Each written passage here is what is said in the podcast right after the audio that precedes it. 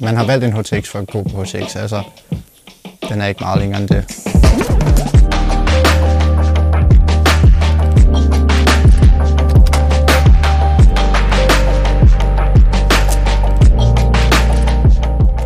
Det her gymnasie er rigtig dejligt. Ligger midt inde i byen, inde i Frederiksberg.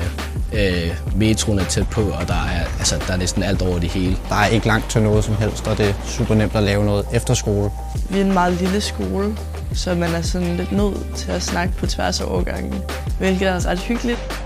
Du ser ikke nogen på gangen, som du ikke kender i forvejen. Også alle lærerne kender man også. Jeg synes, fællesskabet er rigtig godt, og det er nok mest, fordi vi er sådan en lille skole.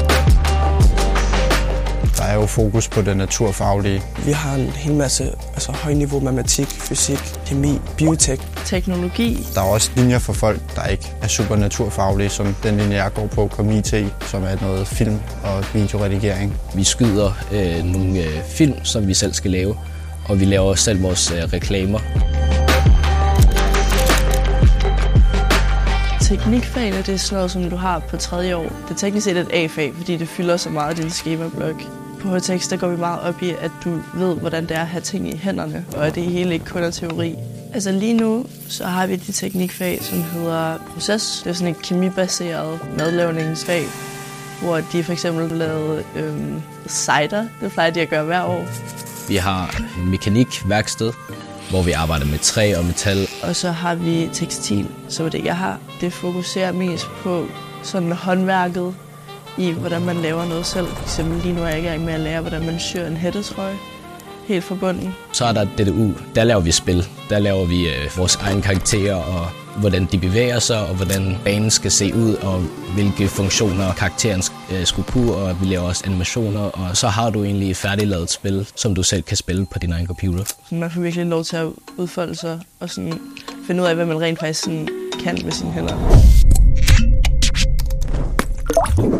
Og så har vi også nogle valgfag, for eksempel psykologi, astronomi og erhvervsøkonomi. Jeg har selv musik- og lydproduktion. Det er meget fedt at prøve noget andet.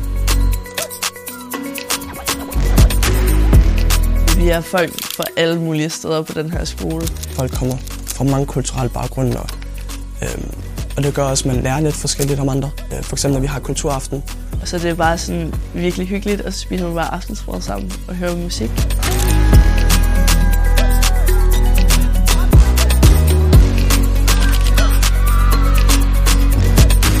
Der er nogle folk, der allerede har en plan for, hvad de vil lave. Der er nogle folk, der slet ikke ved det endnu. Jeg har stadig masser af tid til at beslutte mig. Og jeg har stadig masser af tid til at forelske mig i nogle specifikke fag, så jeg ved, hvad jeg gerne vil lave. Og jeg synes, lærerne og vejlederne de er meget gode til også at sætte sig ned og snakke med en. Pege ind i den retning af, hvad kan du egentlig lide, og hvad kan du egentlig lide at lave. Og så kommer de med nogle forslag. Jeg tror, at det fedeste ved HTX, det er nok, at lærerne er nogle lige, lige så store nørder som eleverne. Jeg har nogle lærere, som er virkelig engageret i deres fag, og som man kan se på dem, også virkelig interessere sig for det.